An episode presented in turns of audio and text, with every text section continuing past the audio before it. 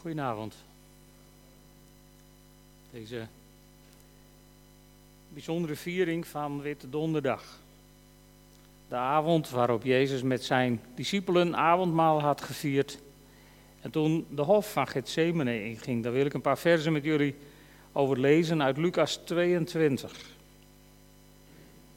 Lucas 22 vanaf vers 14. Jezus heeft dus uh, het laatste avondmaal dan inmiddels gevierd met zijn discipelen. Er is het nodige gezegd. Judas heeft de tafel verlaten om zijn ding te doen. En dan staat er in vers 14, toen het zover was, ging hij, Jezus dus samen met de apostelen aanliggen voor de maaltijd. Oh ja, daar zijn we. Hij zei tegen hen: Ik heb er hevig naar verlangd dit Pesachmaal met jullie te eten voor de tijd van mijn lijden aanbreekt. Want ik zeg tegen jullie: Ik zal geen Pesachmaal meer eten voordat het zijn vervulling heeft gevonden in het koninkrijk van God.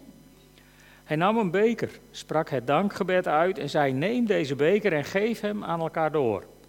Want ik zeg jullie: vanaf nu zal ik niet meer drinken van de vrucht van de wijnstok tot het koninkrijk van God gekomen is.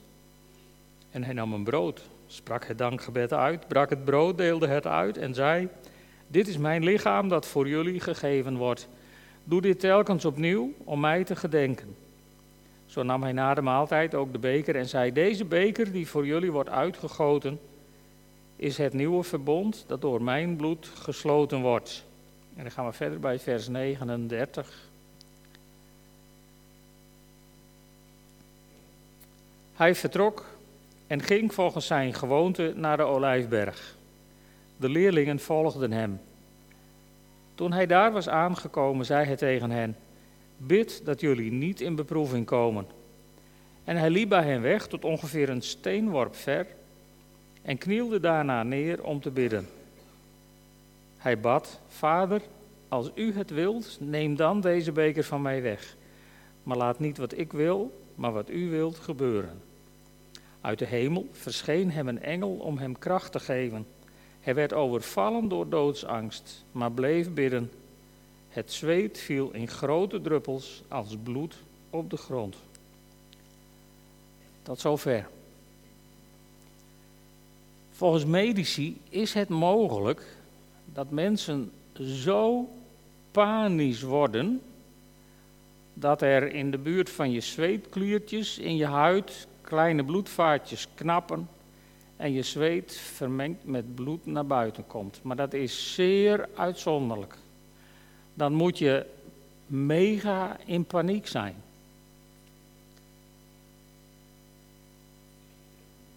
En toen ik dat las, toen dacht ik, en hoe kan het nou dat Jezus, de Zoon van God, zo verschrikkelijk in paniek was dat hij bloed ging zweten. Wat gebeurde daar nou precies? Ik bedoel, Jezus was best al wat gewend.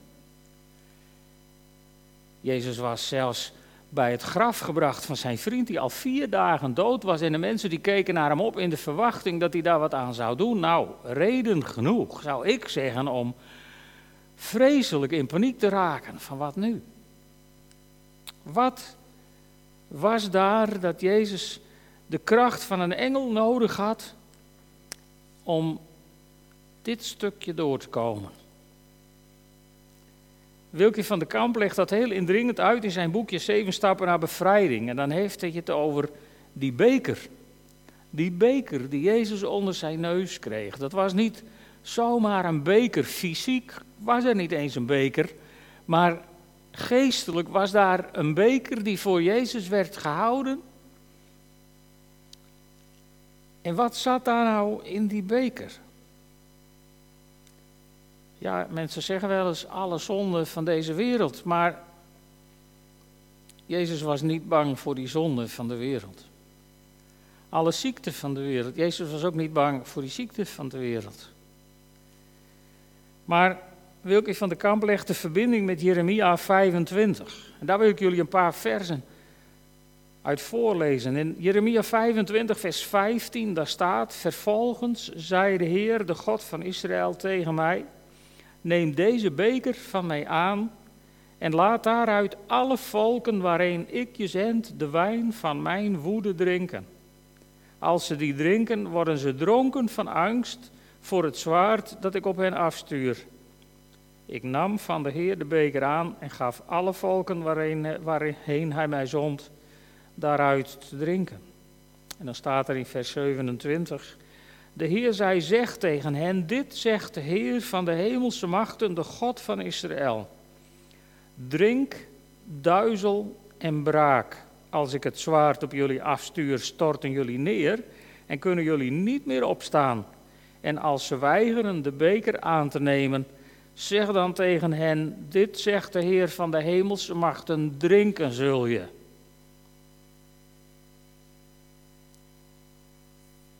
Dat kreeg Jezus onder ogen in de hof van Gethsemane. De beker met de woede van God over alle zonde en boosheid en kwaad en godslastering uit de hele geschiedenis van deze aarde. En wat hij ook onder ogen kreeg, dat was het onontkoombare van deze beker. Van een God die zei: drink, duizel en braak. En je kunt hoog springen en laag springen, maar drinken zul je. Wat Jezus onder ogen kreeg in de hof van Gethsemane was ons lot. Jouw en mijn bestemming. De beker die God voor de heidenvolken had bereid en daar horen wij ook bij. Dit was wat God voor ons in petto had als Jezus het niet had verhinderd. Het is goed om ons dat eens even te realiseren. Dit was onze bestemming. Drinken zul je.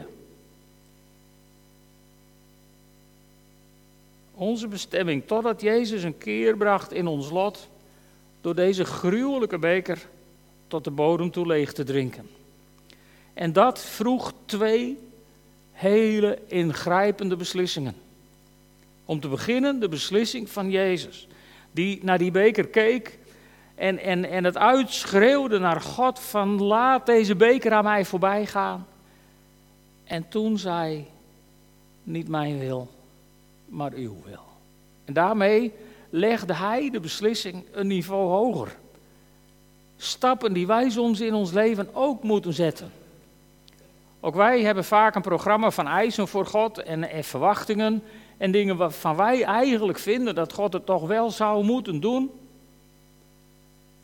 En, en mijn persoonlijke ervaring is, als je zover komt dat je in zo'n situatie de beslissing een niveau hoger kunt leggen en tegen God kunt zeggen, God hier is het. Gaat niet om wat ik wil, uw wil. Daarmee wordt het leven een stuk gemakkelijker. Want je legt God de verantwoording in handen. Maar dan is er ook die beslissing van God. God, de Vader in de hemel. Wij lezen het zo makkelijk in Johannes 3, vers 16. Want al zo lief had God de wereld dat hij zijn enige geboren zoon gegeven heeft. Maar je zal het maar doen, hè? Je enige geboren zoon geven. En dan ook nog op een gruwelijke manier, zoals, zoals Jezus voor de boeg had. Die God die net had gezegd: Dit is mijn geliefde zoon in wie ik een welbehagen heb. Diezelfde God, die kreeg een beslissing voorgelegd. Een onmenselijke beslissing, maar gelukkig was hij God. En geen mens. Dit was een beslissing die je niet van iemand mag vragen. Maar God zag die vreselijke beker van zijn woede. En aan de overkant van die beker zag hij jou en mij. En toen was het voor God de keuze. Deze, mijn geliefde zoon, of al die mensen die ja zeggen tegen het offer van het lam.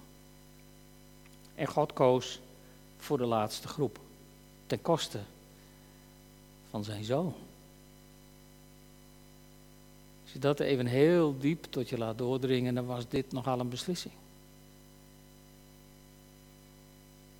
En wij zullen ons nooit kunnen voorstellen hoe moeilijk die beslissing is geweest. Maar zo maakte God de keuze voor ons, om ons te redden. In 2 Korintiërs 5, vers 21, daar schrijft apostel Paulus: God heeft hem die de zonde niet kende, voor ons één gemaakt met de zonde, zodat wij door hem rechtvaardig voor God konden worden. Met andere woorden, toen God uit de hemel naar zijn zoon wees en zei: Deze is mijn geliefde zoon, in wie ik een welbehagen heb. Toen God de keuze maakte om deze geliefde zoon de beker te laten drinken van zijn woede, maakte hij de weg vrij om naar jou te wijzen en zeggen: En dat is mijn geliefde zoon, dat is mijn geliefde dochter in wie ik een welbehagen heb. Dat kon gebeuren omdat de zoon van God de beker moest drinken waarvan God had gezegd: En drinken zul je. En toen kwam er één mens in de geschiedenis die zei: Oké, als het dan niet anders is, dan drink ik hem. En Jezus dronk de beker. Bloed zweette die. Van angst voor de gruwelen die in deze beker te vinden waren. En, en, en het was zo gruwelijk dat ook de vader het niet meer kon aanzien. Want toen hij Jezus aan het kruis zag hangen met al deze gruwel uit die beker in zijn lijf, had God eigenlijk goddelijk gezien maar één optie en dat was vuur van de hemel sturen om alles te verteren waar het kwaad in zat. En dan was het offer van Golgotha niet voltooid en dan was de opstanding naar Pasen er niet geweest. En opnieuw koos God om er dan maar even niet te zijn. Waarop Jezus het uitroept, mijn God, mijn God, waarom hebt u mij verlaten? Maar er was geen andere optie. Want als de heilige God was gebleven bij zoveel gruwel, dan was dat niet tot een goed einde gekomen voor ons. Wat een keuzes heeft God gemaakt om jou en mij te redden. Jezus, de beker, drink, duizel en braak, want drinken zul je. En wij, die genade van God. Dit is mijn geliefde zoon, dochter, in wie ik een welbehagen heb. En, en, ik mag jullie vanavond daar best mee geluk wensen. Dat je daarbij bent komen te horen, omdat hij die beker dronk. De beker van de gruwel van God. Daarom ga ik er niet meer woorden aan besteden, maar we gaan dat herdenken die beker. We gaan samen avondmaal vieren om te herdenken wat Jezus deed in dat laatste avondmaal voordat hij in al zijn, zijn angst, in al zijn paniek, bloedzwetend in de hof van Gethsemane kwam. Daarvoor had hij met zijn discipelen het Pesachfeest gevierd, het feest van de bevrijding uit Egypte, wat voor ons het feest van de bevrijding uit de zonde is geworden. En hij gebruikte dezelfde middelen die de Joden gebruikten voor het Pesachfeest: een brood en wijn, waarvoor hij God had gedankt. En toen brak hij het brood en hij zei: Dit is mijn lichaam, wat voor jullie gegeven is. Eet allemaal daarvan en doe dit elke keer tot mijn gedachtenis. En vervolgens had Jezus ook een beker genomen. Een van de bekers die rondgingen tijdens het Pesachmaal. En toen had hij gezegd: Deze beker bevat het bloed van het nieuwe verbond wat ik met jullie sluit. Dit is niet de beker van de gramschap van God. Dit is de beker van het nieuwe verbond in het bloed van Jezus Christus zodat de beker van de gramschap van God ons voorbij gaat. Hebben we dat goed in de gaten? Dit is de beker van jou en mijn redding. Met het bloed van het lam, wat vergoten is tot vergeving van al onze zonden. Want hij dronk die verschrikkelijke beker.